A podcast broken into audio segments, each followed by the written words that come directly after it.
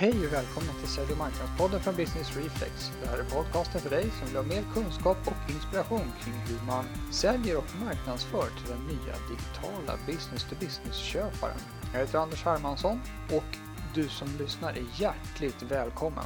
Vad roligt att du tar dig tid. Det här avsnittet handlar om att leda i digital transformation. Det är ju ett ämne som vi hör talas om varenda dag, men som kanske fortfarande är lite flummigt och man inte riktigt vet vad det handlar om. Joakim Jansson är en härlig figur som jag träffade för en hel del år sedan för första gången.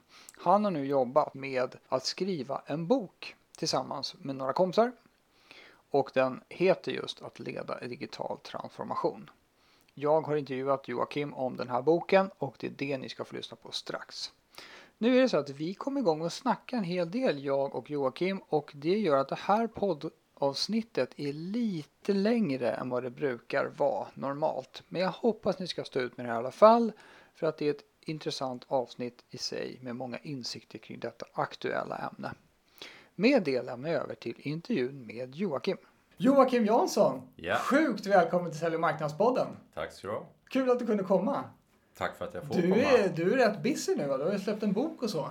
Ja, det finns att göra kan man säga. Ja. Eh, ja släppt bok och eh, nyss blivit pappa. Så att, eh, ja, mycket ledig tid har man inte nu för tiden. Jag förstår det. Jag förstår det. Kan du inte berätta lite grann om dig själv, din bakgrund och så? Mm. Eh, jag är ekonom, grunden. Eh, värmlänning brukar jag alltid föra upp. 44 bast. Eh, pluggade i Uppsala. Sen så började jag på MTG. Eh, och det här var väl någon gång 99. Så då jobbade jag under Anders Nilsson, numera då VD på Comhem. Drog igång ett bolag inom utomhusreklam för MTG. Sådana här stora veper på byggnader, byggnadsställningar och så. Jaha. Sen studsade jag vidare in i, eh, ja, det var ju dotcom-eran då. Så jag sa upp mig och gjorde en minut på, som expansionschef på ett bolag som heter Sumo. Ja, Så- men ibland behövs det inte så mycket. Nej, Nej jag var en minut, bokstavligen en minut på det Okej. bolaget. Ja. Det blev ingen expansion med andra ord. Då, då behöver man ingen expansionschef heller. Så att där var jag. eh, Och eh, sen hamnade jag då på Spray, eh, vad det led. Ja, okej.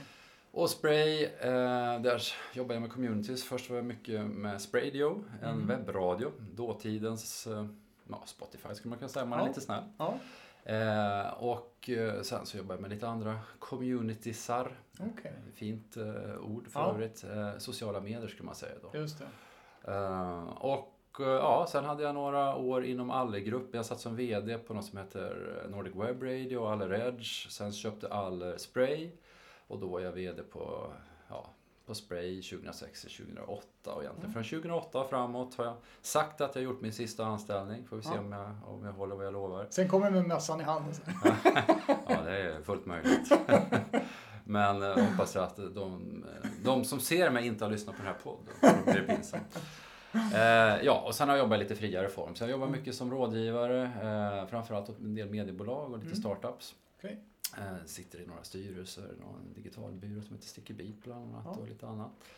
Och eh, senaste tiden, tre, fyra, fem åren sådär, har jag jobbat väldigt mycket med den här boken då, metodiken som vi ska prata lite Mm. mer om. Ja. Och sen ett år tillbaka ungefär driver ett bolag tillsammans med några till. Vi är tre stycken, eller fyra stycken totalt sett. Johan Mm. Forsberg, Mikael Johansson, Marianne Devin och jag själv som driver ett bolag som heter Dig Journey. Dig Journey. Det känns som du är sjukt digitalt marinerad här. Sjukt marinerad Ja, är jag. det är bra. Det är en bra startpunkt Ja. tycker jag för den här diskussionen. Vad heter boken? Den heter Att leda digital transformation. Ah, ja, det är en utmaning i sig. Det är en stor utmaning ska jag Ja. säga. Vet du vad, jag tänkte vi skulle börja från början på något sätt. Mm. Vad är det här med digitalisering? Vi hör ju det ständigt. Ja, jag, jag, med risk för att göra dig och de som lyssnar på det här besvikna så, så finns det ju liksom inte en definition som eh, funkar överallt. Det fin- eh, om man åker ut till Solna, några hundra meter från Friends Arena finns det ett, eh, ja, ett bolag som heter Terminologicentrum som har ett regeringsuppdrag. De jobbar med att du och jag och andra, när, när vi pratar fackspråk, ska Mm. prata om samma sak. När, vi, när, vi, när vi säger någonting ska vi mena samma sak. Ja. De är nio pers som sitter och jobbar där och Ja. Svenska Akademin sitter i styrelsen och det ena och andra. Okej. De har ju bland annat kollat på det här ordet digitalisering. Ja. de konstaterar, och deras råd ska jag säga, är ja. att eh, egentligen så här att du ska aldrig ta för givet att någon tolkar digitalisering på samma sätt som du. Okay. Och de konstaterar att det här ordet idag betyder inte samma sak som det gjorde för tre år sedan, Nej. eller fem år sedan, eller 15 år sedan. En gång i tiden så betydde ju det här, alltså ursprungliga betydelsen är att man tar någonting analogt och gör det digitalt Just för att kunna lagra det här och mm. distribuera det, bearbeta det och så vidare. Ja. Men nu har det ju förskjutits väldigt mycket och det här ordet expanderar hela tiden. Just. Så nu pratar vi om att digitalisera samhällen, mm. eller företag, eller skolor och så vidare. Och det vi ofta menar det är ju att man på något sätt jobbar mer med kanske webbaserade lösningar, mer internet. Eh, om vi pratar om digitaliserad skola pratar vi kanske väldigt mycket om hur man kan få in eh, olika former av digitala verktyg i verksamheten. Mm. Det kanske handlar om att man ska ha paddor på en förskola motsvarande som kan stödja även andra delar. Ja. Eh, men när vi pratar om att digitalisera företag så mm. brukar vi säga att det är ungefär samma som då det här med att jobba med digital transformation i företag. Mm. Och vår definition av digital transformation är då egentligen alla de anpassningar som ett företag behöver göra för att vara konkurrenskraftig i en digitaliserad värld. Mm. Hänger, det, hänger det här på något sätt ihop med den här fjärde industriella revolutionen? Är det något annat? Är det ja, mer algoritmer och maskinstyrning? Nej, det är väl egentligen samma sak. Ja. Vissa kallar det för fjärde, vissa säger att vi fortfarande är inne i tredje. Jag ja, vet inte om det spelar någon större roll. Nej, det tror jag inte det gör faktiskt. Vilken siffra vi sätter på. Nej, men, men egentligen så handlar det väl om att allting, som vissa säger, allting som kan digitaliseras kommer att digitaliseras på olika sätt. Allting som digitaliseras eh, ja, marginalkostnaden går mot noll, mm. eh, liksom för det kan kopieras. Mm. Och då eh, skapar det helt nya förutsättningar för att göra affärer, bland annat. Oh. Nya sätt att kommunicera som du vet allt om. Mm. Nya sätt att sälja, nya sätt att driva processer. Men framförallt behöver bolagen vara mycket, mycket bättre på att se vart är världen på väg. Omvärldsanalysen, vad är det som sker, vad är det som påverkar oss av alla de här buzzwordsen som man läser om mm. i, liksom, i tidningen. Och på vilket sätt kan vi sen ställa om när det sker en sån förändring ja. eller när det kommer någonting som påverkar vårt företag. Ja, för förändringstakten är ju högre kan man ja, säga. Ja, oerhört mycket ja. högre och det visar ju all forskning. Det. det. finns ju ingen forskning som motsäger Nej, det. vad roligt att, om det kommer en rapport som nej, det går saktare nu. Nu är det, nu är det lugnt. Precis. I december så går vi ner i dvala. och sen, sen går det utför. Ja. Mm. ja så, och, och, eh, nästa fråga blir inte så varför digitalisering? Men jag tycker, ja, ibland kan man behöva besvara självklara jo, frågor. Jo, men jag tycker det är en bra fråga också. Så här, vi jobbar ju ganska mycket med Alltså, vi fokuserar väldigt ofta på att jobba med styrelser och ledningar och så vidare mm. i bolag. Och det är allt från börsbolag till mindre bolag. Mm. SME eller små och medelstora företag. Alltså, första workshopen vi ofta kör, mm. det handlar om vad är digitalisering, vad är digital transformation och varför är det viktigt? Så ja. jag tycker att de här frågorna är viktiga. Mm. Det jag ska återkomma till, vad är digitalisering, är att det viktigaste som vi har att säga här är inte att eh, det följer någon viss definition. Det viktigaste är att bolagen som driver det här med digitalisering själva kommer överens. Vad betyder ordet digitalisering för oss mm. i vårt bolag? Mm. Vad menar vi? Menar vi att vi ska automatisera våra produktionsprocesser eller menar vi att vi ska ha ett annat mindset? Ska vi anamma agila processer? Vad menar vi egentligen när ja. vi pratar om digitalisering? Och det kan inbegripa allt det där. Just det. Sen delar vi egentligen in digitalisering och nu är jag egentligen tillbaka på din första fråga mm. då, i, i grundteknik. Det kan vara processorkraft eller liksom, eh, lagringskraft ja. eller att det finns liksom 5G-nät som snart kommer ut. Det är någon form av grundteknik. Mm. Ovanpå den bygger man ju antal lösningar. Det kan ju vara en smartphone till mm. exempel. Mm. Det är i sig en lösning som möjliggörs av olika former av grundteknik. Eh, du ska kunna ha, ha möjlighet att liksom sända all den här datan mobilt och så vidare. Och sen har du tjänstelager ovanpå det med alla appar och innehållsleverantörer mm. som möjliggör det här. Mm. Och sen har du ytterligare ett lager i digitalisering och det är ju att om vi gillar det här, då börjar vi använda det här. Om vi börjar använda det ofta, då skapar det ett nytt beteende och skapar ett nytt beteende. Då kanske det också förändrar våra attityder och i förlängning kanske till och med förändrar våra värderingar. Ja. Om, om dina och mina värderingar förändras och det här aggregeras, då mm. förändrar det också samhällets värderingar och ställer nya krav. Mm. Så att vi brukar egentligen säga så här, det viktigaste jag funderar på, okej okay, om du hör ett buzzword, säg big data eller marketing automation eller quantified self. Mm. Så fundera på, okej okay, men vad vad betyder, vad är effekten av det där och mm. vad betyder det här för vårt företag? Mm. Så att uh, ha mer det mindsetet. Mm. Sen är det skitsamma, ligger det inom digitalisering eller ej? Eller hjälper bara liksom, digitalisering till att katalysera så att det blir ännu större effekt. Globalisering till exempel är en sån. Ja. Alltså globaliseringen påskyndas ju av digitaliseringen i allra högsta grad.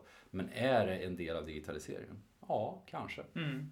Så det, det, låter som att den, den, första, om man säger, om det, om det nu är en, en, den inställning man bör ha, mm. är en form av öppenhet och nyfikenhet. Och inse att det är väldigt viktigt att hålla ögon och öron öppna. Absolut. Och en annan inställning man bör ha är att det finns inte alla svar. Eh, det finns knappt alla frågor. Alltså, börja med att ställa frågorna. Var säker på att du inte har ställt alla frågor. Mm. Vissa svar du får kommer att vara jättetydliga. Vissa kommer inte vara alls tydliga. Det är lite luddigt, det tar tid, det kanske inte ens finns något svar. Men det är fine. Liksom. Mm. Eh, och, och det beror inte på att du är dum i huvudet som liksom inte någonstans förstår allting det här eller är det någon som inte kan förklara för det. Det kanske inte finns ett svar just nu, mm, men då får man vara okej okay med det. Ja. Eh, och, och det är ju för att vi är inne liksom i en stor förändring. Hela världen håller på att förändras så det finns inte alla de här svaren. Mm. Eh, om forskningen sen ska försöka hitta de här svaren så lovar jag att det kommer att ta 7-8 år. Ja, det får, vi väntar inte på det kanske. nej, nej, det gör vi inte. då, då, då, är, då har de konstaterat faktum. Men varför är det viktig fråga också? Jag ska ja. ta den. Varför är vi? Jo, men det är ju viktigt om du vill behålla konkurrenskraften i ja. ett bolag, förhoppningsvis utveckla den här alla de här hoten som kommer kan ju rätt lirat också vara möjligheter mm. för de som faktiskt ser de här, vad vi brukar prata om, förändringsvågorna. Om man kan se de här förändringsvågorna och, och faktiskt ta de här också, ja, men då mm. blir de här, de här förändringarna en möjlighet snarare än ett hot. Ja. Och då kan vi öka konkurrenskraften eller gå stärkt ur det här snarare än tvärtom. Ja. Och där är ju ditt varför. Varför ska man göra det? Ja. Jo, för att man ska driva ett bättre företag, ett mer konkurrenskraftigt företag. Kan man säga så, en, en sån enkel analogi som att säga att när, när elektricitet var tillgängligt mm. så borde man faktiskt då ha övervägt väldigt mycket att införa elektricitet i sin verksamhet. Mm. Eh, man kan ju naturligtvis strunta i det. Ja. Men det men, kanske hade visat sig inte vara en så bra idé. Exakt så är det ju. Ja. Det är väl en jättebra analogi. Och eh, Mikael Johansson då hos oss, han kan ju allt om alla de här industriella förändringarna ja. över tiden. Så han hade ju kunnat plädera här nu i 35 ja. minuter om det här. Vilket jag inte kan. Det hade varit trevligt att ha honom här, men det kanske hade varit lite långrandigt. Eh, men jag håller med. Det det är, en väldigt god liknelse kan man säga. Och då kan man ju antingen så säger man så här, men det där är ingenting för oss. Jag Nej. tror inte på det. Det är så litet. Precis. Det påverkar inte oss. Det handlar bara om vi behöver ha fler hästar eller vi behöver ha fler vad vet jag, väderkvarnar ja, eller liknande istället. Eller så inser man, vänta, det, det finns någonting i det där. Ja. Eh, låt oss se om inte vi ska haka på det här tåget ja, istället. Så att du kan ju strutsa, det vill mm. säga skita i det, eller så kan du förneka det och bara säga att det är skit. Eller så kan du tänka, men vänta, ja, vi anpassar oss istället. Det är en fluga som någon sa. Digital transformation. Mm. Vi ska gå från ett läge till ett annat, antar jag är själva inbyggt i den frasen då. Mm. Mm. Vad är det om vi ska försöka Ja, jag var ju inne på det lite tidigare. Vi säger ju att det är egentligen alla de anpassningar som du behöver göra i ett bolag. Mm. För att då kunna eh, behålla din konkurrenskraft eller ja. vara konkurrenskraft i den värld vi idag lever i ja. som är digital. Och det kan ju vara allting från att eh, ja, man lyssnar på den här podden, kanske en anpassning, ja. till att man kompetensutvecklar, till att man inför en innovationsprocess på ett bolag för att man inser att vänta, den affär vi har idag kanske inte kommer att vara lika valid om tre fyra år. Det vill säga man fokuserar mer på morgondagens affär eller i alla fall i, i större grad på morgondagens affär än dagens affär. Ja. Innovation. För, för du pratar inte så mycket om att införa e-faktura.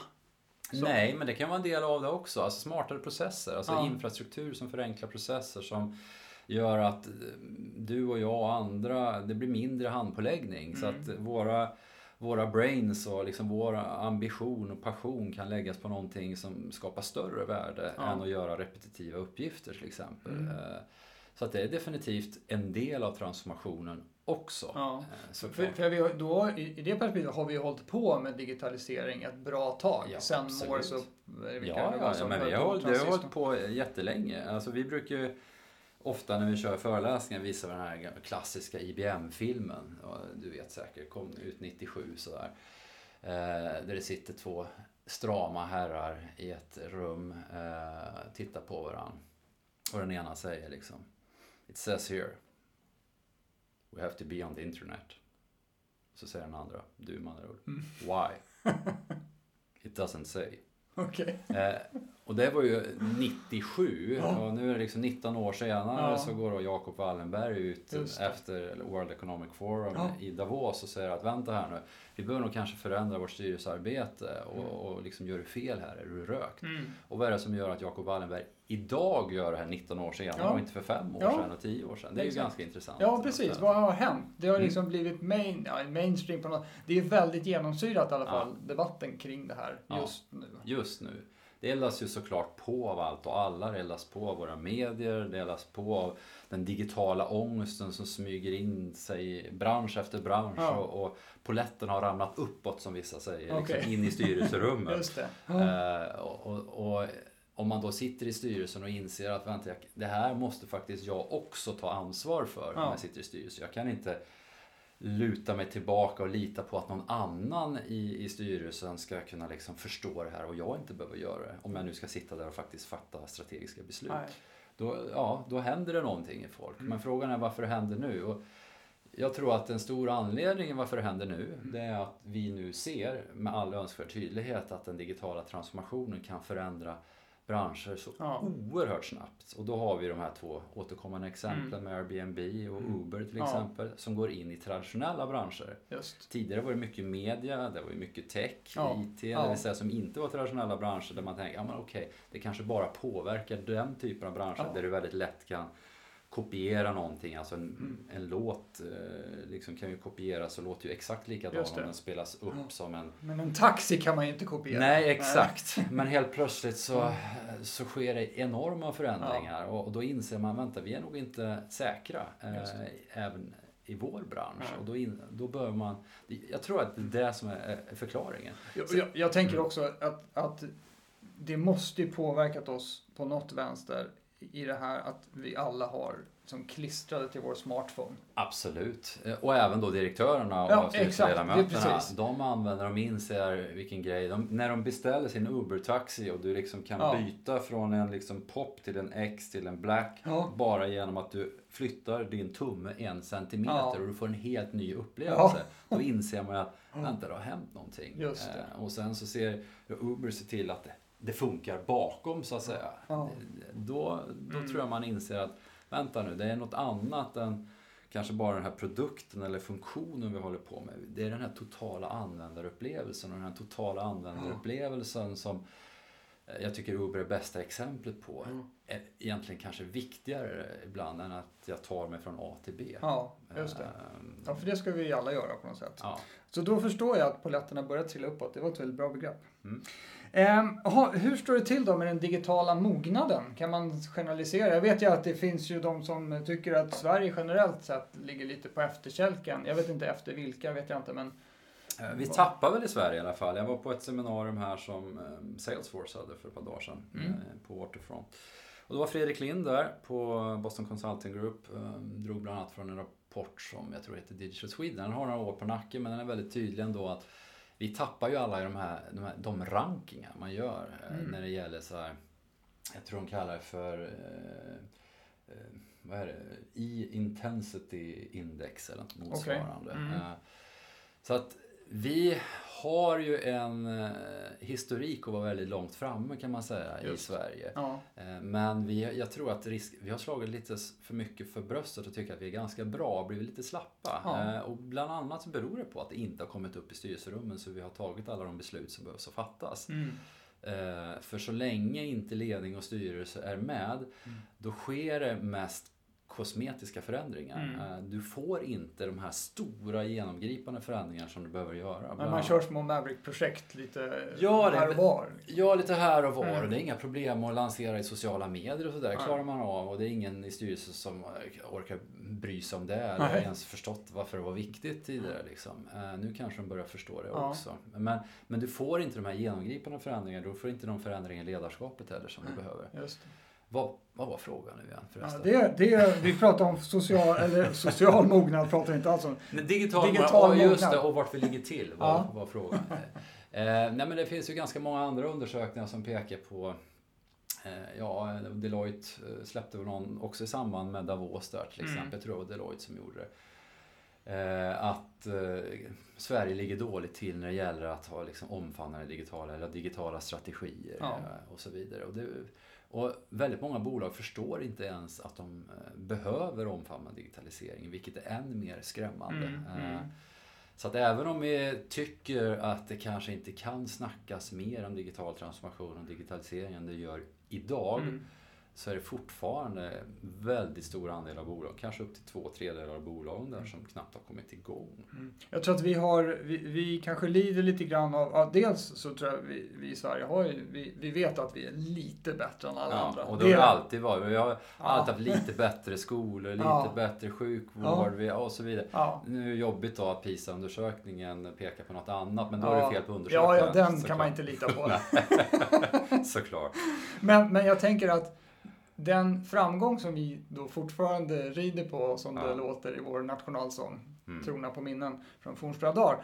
Då är det så att vi har haft en, en industriell innovationskultur Mm. som har byggt på någon form av viss metod och visst tänk kring stegvis innovation. Mm. Som vi har byggt på. Mycket på en ingenjörsstolthet och så. Mm. Och det är väl så att inno- innovationsmetoden i, digitala, i, i, i det digitala tidevarvet behöver förändras. Mm. Så tänker jag, att det finns en... Man behöver förhålla sig till innovation på ett annat sätt med de här digitala möjligheterna än det vi har gjort i våra labb Mm. bakom stängda dörrar där vi har hållit på att fila på våra kugghjul och gjort våra blixtlås och sådana saker. Va, va, hur Mm. tänker du kring det? Ja, men jag tycker det låter som att du pratar om att eh, Sverige har en eh, historik av att jobba mycket med så här, inkrementell innovation, det vill säga Ja. stegvis. Ja. Du- du- du- Vi gör saker, ständiga förbättringar. Ja, ISO på. 9001, Jajamän. Kaizen och allt vad de heter. Precis. Här. Eh, men när, när förändringarna går mycket snabbare då räcker det inte med ständiga förbättringar. Nej. Alltså, då måste du ta lite större kliv. Ja. Och det är ju det som är en skillnad. Och då kommer du in på det som ibland kallas för strukturell innovation. Ja. Och ännu större kliv kan man prata om radikal innovation Mm. eller ibland disruptiv innovation. De är ju rätt näraliggande de här begreppen. Eh, Och det innebär ju egentligen att du behöver röra dig längre ifrån din kärnaffär. Just Det det. Och betyder. komfortzonen. Och komfortzon. Ja. Och ju längre du behöver röra dig från din kärnaffär Mm. desto eh, mindre eh, bekväm känner sig de som jobbar med kärnaffären, de som jobbar i organisationen och Ja. de som jobbar i hierarkin. Och hierarkin per se Ja. blir mindre relevant Ja. för hierarkin per se finns där för att ta hand om kärnaffären. Just Den är det. väldigt bra att- på att ta hand om en kärnaffär och fila på processer och allt det där. Men den är ganska dålig på att ta hand om om stora förändringar hela tiden där kanske teamen behöver se annorlunda Mm. ut. Eh, Jag menar, kolla hur man organiserar sig på våra startups. De Mm. jobbar ju inte i, i de här typer av organisationer. Nej. De jobbar oftast i cellstrukturer på kanske 3 till 7, 8 personer. Just det. Eh, Som uppstår och försvinner. Som Och det är, ingen, Mm. det är ingen dramatik i det. Nej. Men du vet när man ska göra om i en hierarki. Herregud. Folk Mm. klamrar ju fast sig som galningar. Om man dessutom kryddat hierarkin med att folk är, har provisionslön. Ja, ja. Så att de verkligen har skygglappar. då har man satt upp det riktigt stabilt och Ja, bra. men, men där har du ju mycket av problemet. Liksom. att Det finns så mycket inbyggt i organisationerna, framförallt då kanske i kulturen, men även i strukturerna i, i bolagen. Du var inne på incitamentsystem, ett klassiskt exempel. Eh, Ett annat bolag vi jobbar med, inga namn, men de har en budgetprocess som låser alla pengar i 18 månader. Ja. Allt är öronmärkt 18 månader. Så händer det någonting Ja. efter månad 7. Ja. Ja, vänta, då är det 11 månader kvar. Så Ja. kan vi börja förändra här. Ja. Eh, och ingen vill ju släppa till en krona. Det här är ju min budget. Så jag tänker inte skjuta till trots att, men vänta, vi blir ju nedskjutna här Ja. från höger. Ja. Sorry. Ja. Eh, vänta 11 Det skulle ni ha tänkt på. ja, exakt. Ja, men, så att det finns ju mycket, nu raljerar jag lite över det här, men det är klart att det finns mycket som, som man behöver förändra. Mm. Eh, och det är svårt att säga att det är just den här saken som är... Men, men det börjar uppifrån. Det börjar med ledarskap. Det börjar med en, en, med en omvärldsanalys egentligen. Att Mm. man förstår vad som händer i omvärlden och att man ställer de här frågorna. Okej, vad är effekterna av en ökad globalisering? Vad är effekterna av eh, ökad krav på transparens från kunder och konsumenter Mm. till exempel? Eh, vad är effekten av att vi behöver involvera våra medarbetare eller vara eh, mer delaktiga i beslut Ja. och så vidare. Och hur påverkar de här trenderna oss, de här megatrenderna eller vad man ska Mm. kalla det för. Ja. Det är någonstans där det börjar. Eh, och om det bara drivs underifrån. Jag, jag tror ju inte på att det kan bara drivas underifrån. Nej. Jag tror att det måste drivas både jag gillar inte egentligen att prata ovanifrån och underifrån Nej. heller, men då tror jag åtminstone du förstår vad jag menar. Alltså det, det behövs att drivas i alla delar av organisationen Ja. oavsett liksom din uppgift. Oavsett om du sitter i styrelsen eller om, om du programmerar eller om du jobbar med sälj eller sitter i receptionen eller jag vet, jag är marknadskoordinator eller alla måste ju vara med i det här. Ingen Ja. kan liksom lämnas bakom. Nej. Men, men kan man inte säga, för att inte släcka gnistan hos alla människor som då inte sitter i styrelsen, Mm. att det, det är väldigt viktigt att alla jobbar på och ökar trycket och får då, men det är viktigt att man förstår att det är, det är absoluta ledningen, toppen Mm. i, i bolaget, som till slut måste fatta grejen. Ja, Så det är viktigt att man jobbar Ja. på. ja absolut. Så att man inte sig, Ja, okej ja. då väntar vi på styrelsen här. Nej, nej och, och det är också en vanlig fråga vi får eh, ibland när vi föreläser eller håller workshops och så. Men vad gör man då om man har en VD som uppenbarligen inte fattar? Ja, intressant fråga. Ja, vad gör man då? Eh, Det spelar liksom ingen roll. Han tror att det här handlar om att man på Facebook berättar vad man käkar till frukost. Ja, Liksom. Det är det. digitalisering Ja. för, för vår VD. Vi är inga Blondinbella här inte. Nej, exakt. Eh, fan, det här har funkat 150 år. Ja. Det kommer funka 150 år till. Exakt. Eh, och det finns ju inget bra svar på det heller. Det enda man kan göra tror jag det är att om, försöka fundera på vad, är, vad, vad är den här människan? Går han igång på fakta? Mm. Eh, har en, en faktabaserad kultur kan man ju försöka mata med fakta. Ä- Är det en intuitiv kultur, magkänsla eller, eller det är snarare viktigt vem som fattar besluten? Läs VDn fattar Ja. besluten. Då är det mycket svårare Ja. eh, om man inte ens lyssnar på fakta. Annars skulle jag vilja säga, börja med fakta, börja med kundinsikter, börja med att faktiskt påvisa vad som sker. Börja med att visa alla de exempel som finns ifrån Mm. traditionella branscher och B2B-branscher där man har gjort någonting annorlunda och man har fått ut en, en riktigt stor effekt av att de har börjat digitalisera på Ja. olika områden. Mm. Eh, förr eller senare om det inte går, eh, om det dessutom är en traditionell VD som kanske är, är huvudägare på bolaget, Ja, då är det. ju svårt. Liksom. Ja. Då kan man byta jobb. Ja, Ja. faktiskt. Eh, ja, men man måste nog vara så krass, Ja. tror jag. Eh, Mm. Då ska man nog fundera på, är det här ett bolag jag vill vara på Ja. eh, överhuvudtaget? Vissa strider kan man liksom inte vinna. Nej, det kan man ju inte. Nej. Eh, det kan man ju inte. Nej, men det, det är bra. Det, det tycker jag skänker lite hopp till i alla fall. Ja. Någon form av väg framåt. Men, men det är väl också det som är skönt tänker jag nu i digitaliseringen, att det är ju mycket högre rörlighet även när det gäller liksom våra sätt att arbeta Ja. och vi hittar nya arbetsformer hela tiden. Mm. Så att det är väl en del av digitaliseringen att inte liksom krampaktigt hålla sig fast vid eh, sin anställning och, och, och hänga sig kvar där i 25 år. Också fundera på, på samma sätt som ett företag.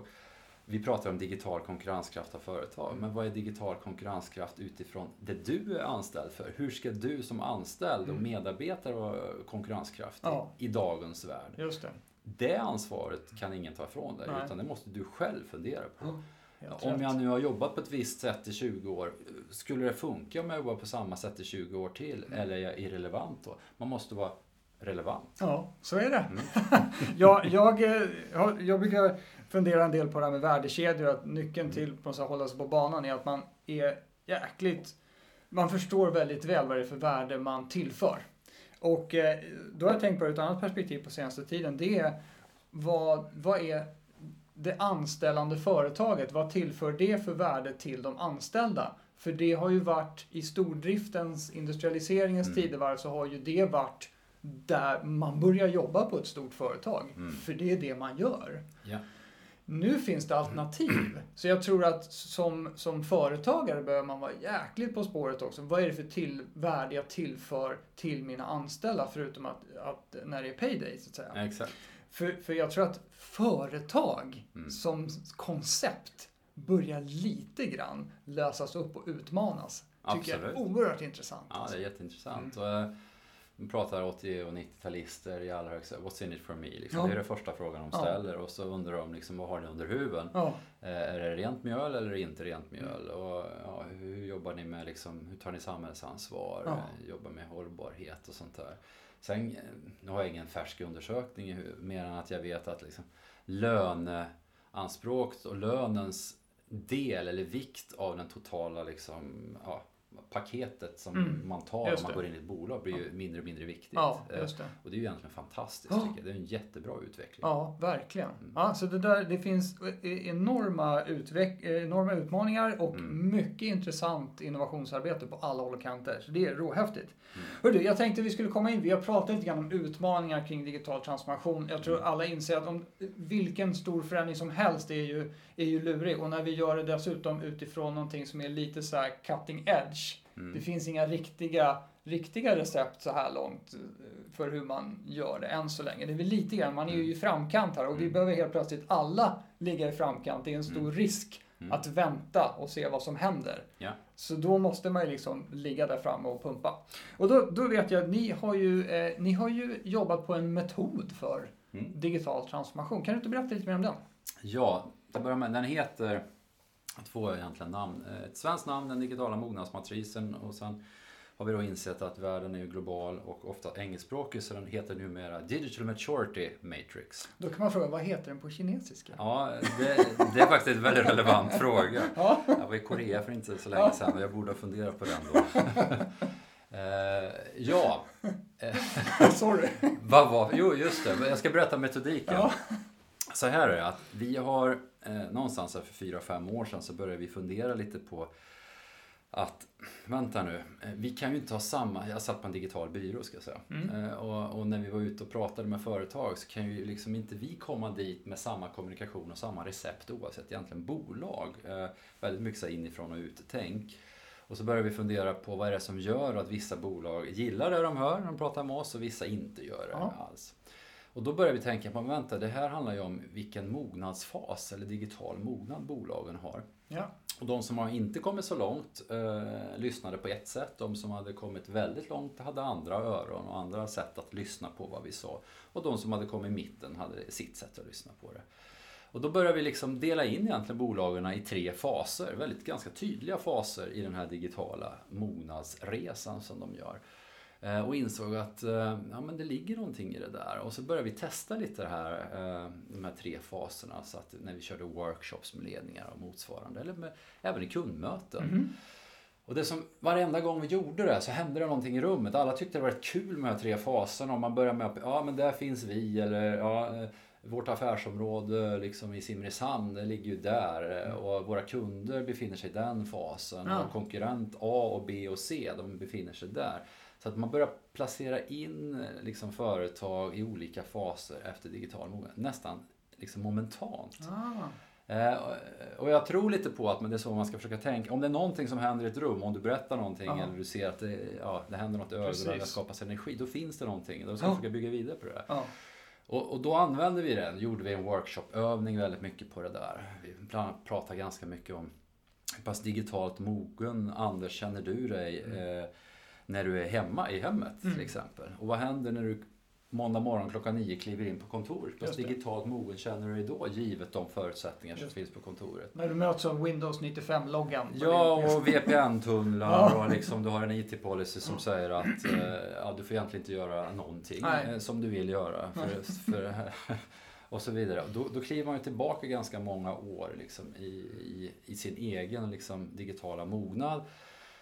Och diskrepansen, eller alltså skillnaden mellan din digitala mognad i hemmet och Ja. den på jobbet, det är ju någon form av potential som inte du utnyttjar. Vilket Ja. är ju väldigt korkat. Ja. Alltså för den skulle ju kunna skapa konkurrenskraft för företaget. Just det. Helt enkelt. Så att där börjar vi jobba lite. Eh, För all liksom, alla digitala transformationer, all förändring börjar på individ, individnivå. Mm. Det liksom finns ju inget företag som kan bara, oj vi förändras utan att individerna förändras. Nej. Utan det är, ju, det är ju det ackumulerade, varje individs förändring som ger liksom förändring på företagsnivå.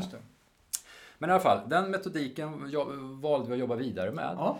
Vi bjöd eh, upp till dans kan man säga. Så att vi bjöd in eh, massa personer i workshops och intervjuade massa personer. Vi intervjuade någonstans jag, 18 nordiska bolag. Allt ifrån Trelleborg och Maersk industribolag ner till Leila Lindholm, Ja. en liksom kändiskock, kändisbagerska.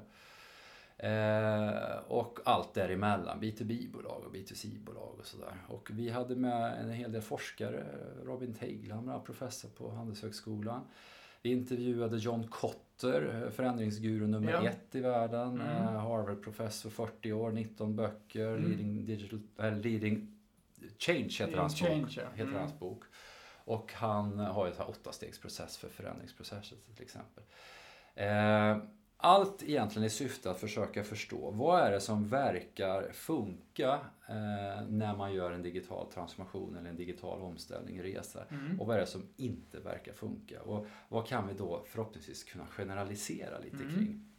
Det var utgångspunkten och det tog då någonstans tre, tre och ett halvt år eh, att eh, få ihop det, kolla på vilken forskning som fanns, läsa den litteratur som fanns eh, och köra de här olika övningarna. Och den mynnar då ut i den här Digital Maturity Matrix Ja. som egentligen svarar på, givet det läge som du idag befinner dig i, den digitala mognad som ditt bolag idag har. Mm. Vi brukar prata om den digita- digitala positionen du har. Ja. Givet det läget, vad bör du satsa på just nu? Mm. Och då kanske du har 100 saker på din handlingsplan. Eh, Då kanske det bara är 25 av dem som är viktiga i den fas du befinner dig just nu. Och då ska du se till att göra dem riktigt bra. Lägger de andra åt sidan och sen kanske du kan plocka fram dem om 12 eller 18 eller 24 månader. Ja. Allt för att ett bolag ska kunna egentligen få ut eh, mesta möjliga av de resurser som de har. För inget bolag kan göra allt. Nej. Den här metodiken utgår också ifrån egentligen utgår ifrån styrelse, ledning, VD-perspektiv. Mm. Och, och vi, vår vision med den här metodiken var tänk om vi kunde skapa då en metodik som kunde hjälpa alla företag oavsett bransch eller storlek Mm. i digital transformation som kunde stödja ledare Ja. att gå från ledare till digitala ledare. Mm. Eh, och ge dem, vi brukar prata om ge dem kommandot. För många känner inte att de har kommandot. De har ju värsta digitala ångest över Ja, många det. styrelser. Det händer massa grejer men det... Man de vet inte Nej. riktigt vad och vad är det som påverkar mer eller mindre. Hur kan vi ge dem kommandot? Alltså, Mm. Hur kan vi ge dem kontroll utan att behöva vara kontrollerande? Ja. Som man då behöver vara om man inte har kontroll. ja, just det. Eh, Så det har egentligen varit utgångspunkten hela tiden. Och Mm. därför heter också boken att leda digital transformation. Mm. Eh, Så att det den egentligen gör är att den, ja, givet läget, säger vad du borde satsa på i olika faser Mm. i, i ett bolags digitala mognad. Och det här kan ju ta tio år, en sån här transformation. Mm. Det kan ju ta ännu längre tid. Liksom. Att, Ja, eh, och, och lite som, som man kan väl säga, den, den kommer att fortgå. och den kommer fortgå. Det är inget projekt som, Nej, det är inget. som man stökar av. Nej, ab- absolut inget. På den här konferensen jag pratade om här tidigare så sa eh, Telias svenska VD Helene Barnekow, tycker jag var bra, hon sa att eh, digital transformation är inget projekt, det är din framtid. Mm. Tycker jag var ganska bra Ja, det är sagt. bra. Det är lite Eh, ödesmättat. Ja. Man sätter sig lite grann längre fram på stolen. Ja. Vänta, var det min framtid du pratade om? Jag trodde det var någon annans framtid. nej, nej men det, jag tycker det var bra. Eh, så och det är lite så man måste se på det. Ja. Mm. Okej, eh, tre faser. Och Mm. man försöker plotta in sig själv för att få rätt utgångspunkt i allt Mm. det där man håller på med. Och det första var att man, man har ju troligtvis en massa då projekt eller initiativ som pågår. Och för att få någon sorts bas för, eller grund för att prioritera bland de där Mm. så utgår man från sitt läge. Ja. Okej, bra. Sen har ni, vet jag att ni pratar om nio stycken digitala motorer, eller vad kallar Mm. det för? Ja. Digitala motorer, det är egentligen områden. Och det, då är vi nästan tillbaka till den första frågan. Vad är det med digitalisering egentligen? Mm. Och så lägger du in ett företagsperspektiv på den frågan också. Så Mm. kan vi säga att vi del, delar in digitalisering i ett företagsperspektiv i nio områden. ja. Vi har valt att kalla dem digitala motorer för Ja. de påverkar egentligen då konkurrenskraft, en kraft framåt, Ja, en motor framåt. Det känns som en bra rörelse. Område känns så passivt. Motor känns bra. Ja, men det är liksom Ja. rörelse. Eh, Man skulle kunna kalla det för accelerator. Ja. också. Men motor tyckte vi kändes bra. Och då är det egentligen eh, allt ifrån det som liksom ligger i hjärtat av bolaget, det som oftast kanske entreprenören, grundaren fick med i bolaget, värderingarna. Mm. Eh, vad, vad, är, vad uppskattas på ditt företag? Vad är okej, vad är inte okej? Alltså, vilka värderingar har bolaget? Vilken vision har bolaget? Eh, det vill säga, vilket långsiktigt mål har det? Mm. Vilken mission har bolaget? Varför finns det? Mm. Det är en sån motor. Värderingar, vision och mission. Sen så handlar det om strategiarbete, en annan motor, ner till processer eller kontaktytor. Hur kommer vi i kontakt med våra målgrupper eller Ja. våra kunder oftast? Men man, vi vill gärna att man breddar det begreppet målgrupper, Mm. inte bara innefattar kunder. Mm. Och sen hur knyter vi relationer till våra målgrupper på alla sätt? Så mm. nio olika områden och vi menar att man ska utveckla de här nio områdena, nio motorerna i en viss ordning okay. för att maximera konkurrenskraften. Ja.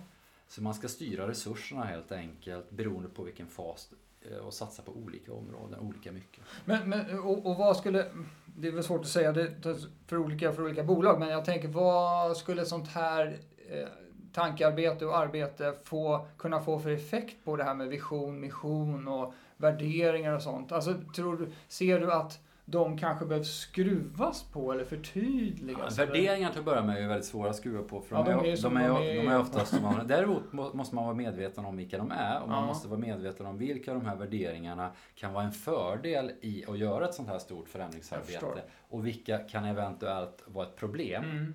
Eh, det måste man bara känna till så att man har med grund, grundförutsättningar. Och då pratar jag inte om så här tio kärnvärden som står liksom när du kommer in på kontoret. Eh, som folk knappt vet vad det är, definitivt inte lever upp till. Utan de riktiga eh, värderingarna som bolaget har. Men vision kan ju påverka till exempel. Om nu eh, digitaliseringen gör att världen blir mindre och mindre eh, globaliseringen ökar, ja men då kanske vi inte längre kan ha en vision att vi ska vara störst i Säffle. Utan man mm. kanske utvecklar den till Sverige eller Norden ja. eller Europa vi kan ju tillåta oss själva i en digital värld vara mer nischade med våra erbjudanden men istället bredda upptagningsområdet mm. för vilka vi levererar tjänster till till exempel. Då kan ju det påverka visionen. Mm. Du, det finns exempel på digitalt exkluderande visioner som inte ens tar höjd för för, för digitaliseringen. Aha, en okay. tidning till exempel ja. skulle kunna ha, vi ska vara den största papperstidningen ja. i Drödöp. Just det. Ja, då har inte den ens med ett digitalt perspektiv. Nej. Då är den ju per definition något som motarbetar en, mm. en transformation. Just eh, ja, mission, varför vi, vi, finns, den är ju en styrka oavsett eh, liksom, vad man än jobbar med och mm. veta varför man existerar. Mm. Vem är det som liksom, som, som gråter om du som företag skulle försvinna. Ja. Och, och, varför du finns ska ju självklart då inte besvaras i liksom maximera aktieutdelningen till ägarna. Nej. Utan det här högre syftet som man pratar om ja. väldigt mycket. Vad, mm. vad är det som gör att vi en gång skapade det här bolaget. Så man, så man synar de sakerna ur det digitala perspektivet för att Exakt. se om, man, om de så att säga borde kanske mm. förändras. Eller om som du säger att sätta käppar i hjulet för det här. Då är mm. det väldigt bra att ha koll mm. på det ja. när man sätter igång den här resan. Processer till exempel som är en av de här nio mm. motorerna. Då kan man säga att vad är processer? Men det är någon form av återkommande flöde, repetitiva uppgifter. Ja. Ibland är de väldigt väl mappade eller kartlagda, ibland är de inte det. Mm. Eh, de flesta processer vi har i bolaget idag är ju inriktade på dagens affär. Ja. Då gör man det kanske med ISO 9001 eller något motsvarande. Väldigt tydliga processer ja. för hur man ska göra. Och så, Implementera SAP. Ja, och så skär man bort då det som inte skapar kundvärde. Ja. Liksom lean-metoder och sådär. Ja. Men eh, hur, hur, många av våra processer är framåtriktade? Mm. Alltså som egentligen eh, handlar om processer för eh, morgondagens affär. Det vill säga innovationsprocesser. Har vi en innovationsprocess till exempel det kanske till och med ska vara som så att innovationsprocessen ska bli en av huvudprocesserna mm. i bolaget. Ja. Eh, så där har du också en skillnad till exempel. Och strategiarbete. Om, om förändringsvindarna eller liksom förändringsvågorna kommer allt tätare, mm. ja, räcker det då att ha den här liksom halvdagen per år där vi jobbar med strategi, mm. där vi tar upp vår, vår powerpoint från förra året, kolla vad var det vi sa egentligen i affärsplanen? Ja, ja. just det, var ju det här. Ja, ja det borde vi göra. Ja, men det var ju bra, en bra idé. Vilken bra idé vi hade för 12 månader sedan. Eh, och så skruvar man lite på budgetar, ja. 10% upp på omsättning mm. Eh, från 7,2 till 8,2 i rörelsemarginal. Ja. Det kanske inte funkar längre Nej. om världen liksom snurrar lite fortare. Då Just kanske man behöver ha tätare uppföljning med strategiarbete. Mm. Man kanske behöver ett annat strategiarbete, mer inkluderande kanske i resten ja. av organisationen. Mm och så vidare. Mm, Okej, okay. så, så, och, och då har vi de här nio motorerna och du gick igenom lite grann att man behöver börja med vision mission på väldigt, det, det är ju väldigt i hjärtat av bolaget. Ja, värderingar, vision och mission, ja, korrekt. För att, få, för att få utgångspunkten i arbetet. Ja. Och sen jobbar man med, med processer, Ja, och, vi brukar säga så här, i tidig fas när vi inte har kommit så långt, mm. den fasen kallar vi för mobiliseringsfasen. Det har ja. ingenting med mobilt, inte eller mobiltelefon. Alltså mobilisering i form av att skapa kraft. Ja. säga. Hur skapar man då kraft? Mm. Och då är det väldigt mycket kotter igen. Liksom. Ja. Eh, jo, men det gör man ju genom att eh, kan man få med sig folk på varför vi existerar och att det känns viktigt att gå till jobbet och, och så vidare. Mm. Någonting som är liksom som verkligen betyder någonting för folk och gör skillnad på något sätt. Mm. Och man vet vart vi är på väg och varför vi är på väg där. Varför finns vi? Varför ska vi jobba med digital transformation och vart ska det ta oss? Ja. Det skapar förhoppningsvis en kraft. Mm.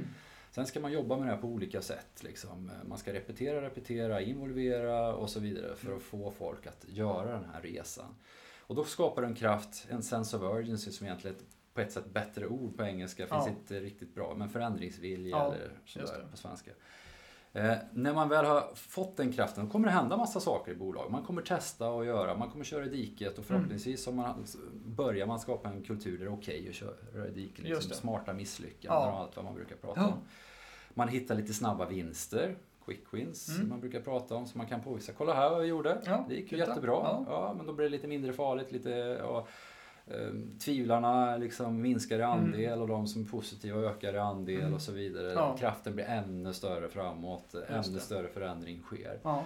Och förr eller senare förhoppningsvis har det här gått så bra så då träder du in i nästa fas och den kallar vi för koordinationsfasen. Okej. Och det handlar egentligen om att det är då du i väldigt stor utsträckning behöver koordinera det här nya som du håller på att skapa, den här digitala verksamheten, kanske till och med en digital avdelning Ja. Med den här befintliga verksamheten. Och det är oftast en, en clash i, i kulturer med en traditionell, kanske väldigt ja, processorienterad kultur. Eller, liksom, ja, eller vi, det här har vi redan testat, kultur, det funkade inte Mm. och så vidare. Ordning och reda här. Ja, och- Förvaltande Mm. kultur Ja. väldigt mycket. Och så har du mer innovativ kultur och vi Ja. kör på, vi testar och vi försöker. Ja. Och, och det blir jättemycket friktioner Ja. här. En marknadsavdelning Mm. till exempel. Ja, Men vänta, ska ni hålla på i digitala kanaler? Ni måste ju fan se till att det här Mm. lirar ihop med det Ja. övergripande. Precis. Och annonssäljarna liksom för tidning, papperstidningen blir sura på de Mm. som säljer på webben och så vidare. Mm. Och så börjar man bråka om pengarna Ja. och sådär. Men det skapas mycket friktion i det här. Ja. Och, och då är det ju internt i bolaget som väldigt mycket kraft skapas. Ja. Inte framåt Nej, liksom, för precis. bolaget. Men då behöver man fundera på, men hur ska vi då jobba annorlunda? Mm. Och då är det strategiarbete, det är liksom processer, organisation, kulturfrågor, Mm. kompetensfrågor. Vilka nya kompetenser behöver vi? Behöver vi strukturera de här kompetenserna annorlunda? Mm. Behöver vi ha nya organisationsstrukturer? Vi, kan vi verkligen ha den här hierarkin även Mm. för det liksom snabbrörliga där ute? Eller behöver vi komplettera det på något annat Ja. sätt? Eh, Sån fråga. Det låter som en liten frustrerande fas. Det är den svåraste av alla faser ska Ja. jag säga. Och Ja. det är den mest frustrerande. Det är där flest eh, folk antingen blir uppsagda eller slutar. Eh, För väldigt många vill inte vara med på det här. Mm. De i den gamla delen av organisationen märker också att de tappar makt Ja. till förmån för de i den nya. Mm. Statusen minskar där. Ledarskapet i den här koordinationsfasen Mm. är sjukt viktigt. Ja, jag förstår Eh, det. Ja. och, och ledarens uppgift är ju att se till att identifiera friktion. Friktion är ju inte per definition av ondo, utan snarare Nej. tvärtom. Det kan Mm. vara positivt. Friktion betyder ju att det sker någonting, en Ja. förändring. Ja. Sen kan den vara av ondo om det blir för stora, Mm. stor friktion. Så att då gäller man liksom veta var är det det, det gnisslar i Ja. mas- maskineriet. Så. Exakt. Men då ska du liksom ha en ledare som, som har möjlighet att få det här nya och det gamla ta hjälp av varandra. Mm. Eh, att man samarbetar snarare än motarbetar Mm. Och sen när man liksom har fått ihop det här, man börjar närma sig varandra. Då kan man ju gå tillbaka till Aftonbladet till exempel. Jag vet inte om du var till Aftonbladet, besökte dem när de satt vid Globen. Gick man till vänster så kom du in på Aftonbladet eh, Nya Medier eller digitala Ja, medier. ja. Gick du till höger kom du till tidningen. Aha, okej. Mm. Papperstidningen. Ja. Helt uppdelat. Ja. Där de nu sitter, sitter ju alla tillsammans. Ja, det vill säga, nu delar man inte in det i digitalt eller inte. Nej. Utan nu är det, okej, vi har våra målgrupper. Mm. De har sina behov. Mm. De ska vi tillfredsställa. Mm. Oavsett om det råkar vara en digital teknik eller digital kanal, kontaktyta eller motsvarande. Vår uppgift är att se till att målgruppernas behov blir tillfredsställda. Vi har en organisation, Mm. vi har en vision Mm. och alla jobbar egentligen mot samma mål. Eh, och, och en annan poäng, när du har hamnat i den fasen, det kallar vi för accelerationsfasen, Ja. då går all kraft framåt. Just det. Det är också därför. Ja, då har folk accepterat och kommit igenom den här Ja. ångestkurvan för förändring och allt det här och, och tänker framåt. Och jag förstår ju vad oerhört viktigt det är då att, att ha ordning på vision och eh, Mm. eh, att man har koll på företagsvärderingar och allt det här när man går in i den här friktionsfasen. Ja. För då har man ju det att luta sig emot naturligtvis och stödjas av då. Ja. Mm. Så, men, men det som är så häftigt är liksom, hur vet man att man är digitalt mogen, säger vissa. Ja, En sån sak är ju att man kanske inte pratar om digitalt längre. Nej, det är liksom det. inte en issue överhuvudtaget. För det har blivit en helt naturlig del av Ja, verksamheten. just det.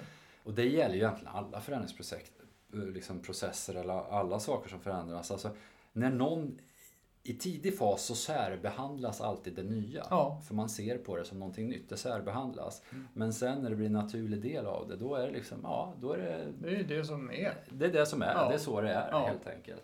Och, då har man blivit digitalt mogen eh, på många sätt. Och då, sen är det såklart att det här är en resa som fortgår, det kommer alltid nya vågor Mm. och så vidare. Och så vidare som man behöver liksom ta hänsyn till och försöka ta.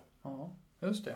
Vad härligt. Tre tydliga faser i förändringsresan. Det är, och det är jäkligt viktigt att förstå var man befinner sig i de här. Och det finns ju naturligtvis de klassiska eh, fällorna för ledningen. Mm. Det är att de speedar ju på. Mm. Man har ju haft sin workshop med Ja. såna här härliga konsulter Ja, som ja. kommer in och organiserar världsbilden åt Ja. en. Så bara, ja, bra, då kör vi! Ja.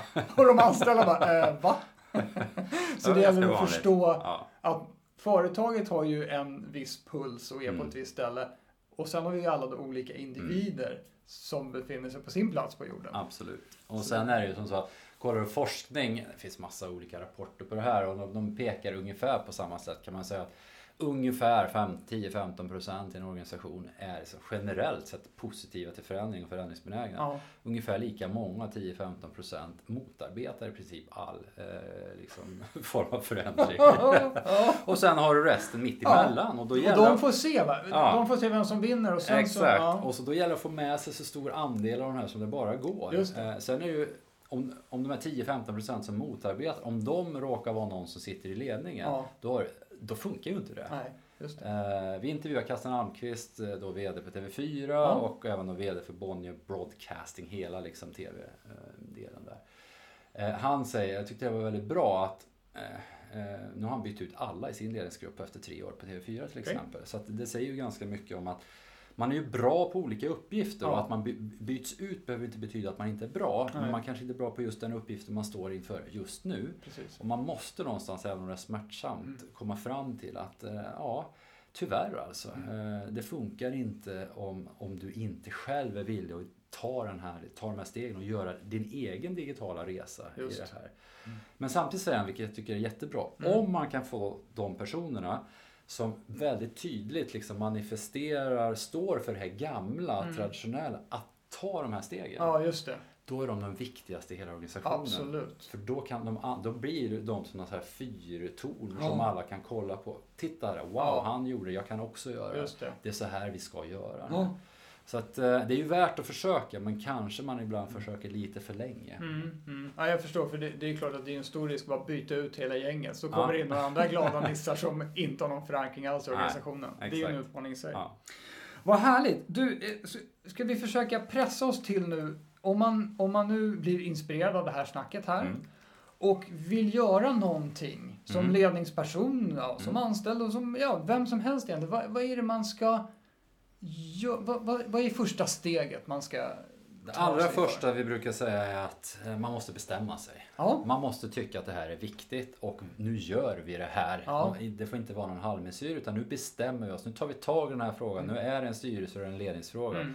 Och vi ser till att ta, få den kompetensutveckling vi behöver för Mm. att kunna få armarna runt. eh, Vad tusan är det här för någonting egentligen? Mm. Och vad betyder digitalisering för oss? Mm. Det tycker vi är det viktigaste. Ja. Sen ska man låta egentligen hela organisationen få ta del av det här. Eh, kanske inte samtidigt, det kan vara en fördel att ledningen går lite före Ja. så att de kan möta upp de frågor som kommer. Mm. Men det är nog det första jag skulle vilja säga att man behöver göra. Sen behöver man ta reda på var man befinner sig. Mm. Okej, är du, hur långt digitalt mogen är du? Vad är du bra på? Vad är du dålig på? Mm. Var behöver du lägga dina insatser? När du sitter där med din ja, penningpung och du ska styra pengarna. Ja. Vad, vad, vad väljer du då att satsa på? Då är det väldigt bra. Då, det utgår ifrån hur långt du har kommit och vad du är bra på och mindre bra på. Ja. Till exempel, eh, det spelar ingen roll om du har världens bästa dataanalytiker om det inte finns en infrastruktur som är bra nog för att samla in data som kan jämföras som man sen kan faktiskt analysera på något sätt. Eh, och så vidare. Så Mm. det finns en massa olika här, delar som man behöver fundera på. Det Ja. spelar ingen roll om du har världens bästa digitala strategi om du inte har en organisation som kan implementera eller göra Nej. någonting av den. Men fi- finns det någon, finns det någon hur, hur skulle vi på ett, på ett utmanande sätt formulera punkten till, som ska upp på nästa styrelsemöte. Hur skulle den se ut angående digitalisering? Digital transformation, slutsnackat. Hur gör vi det? Ja, okej. Okay. Bra, så den, den ska upp på nästa styrelsemöte. Mm, bra, så får man se var den landar någonstans. Mm. Hur, hur förvirrade folk mm. blir. Exakt. Bra! Du, eh, om man vill fördjupa sig i det här mm. ämnet mm. Eh, och läsa på lite mer innan man mm. kanske slänger upp den där på, på ja. styrelseagendan. Ja.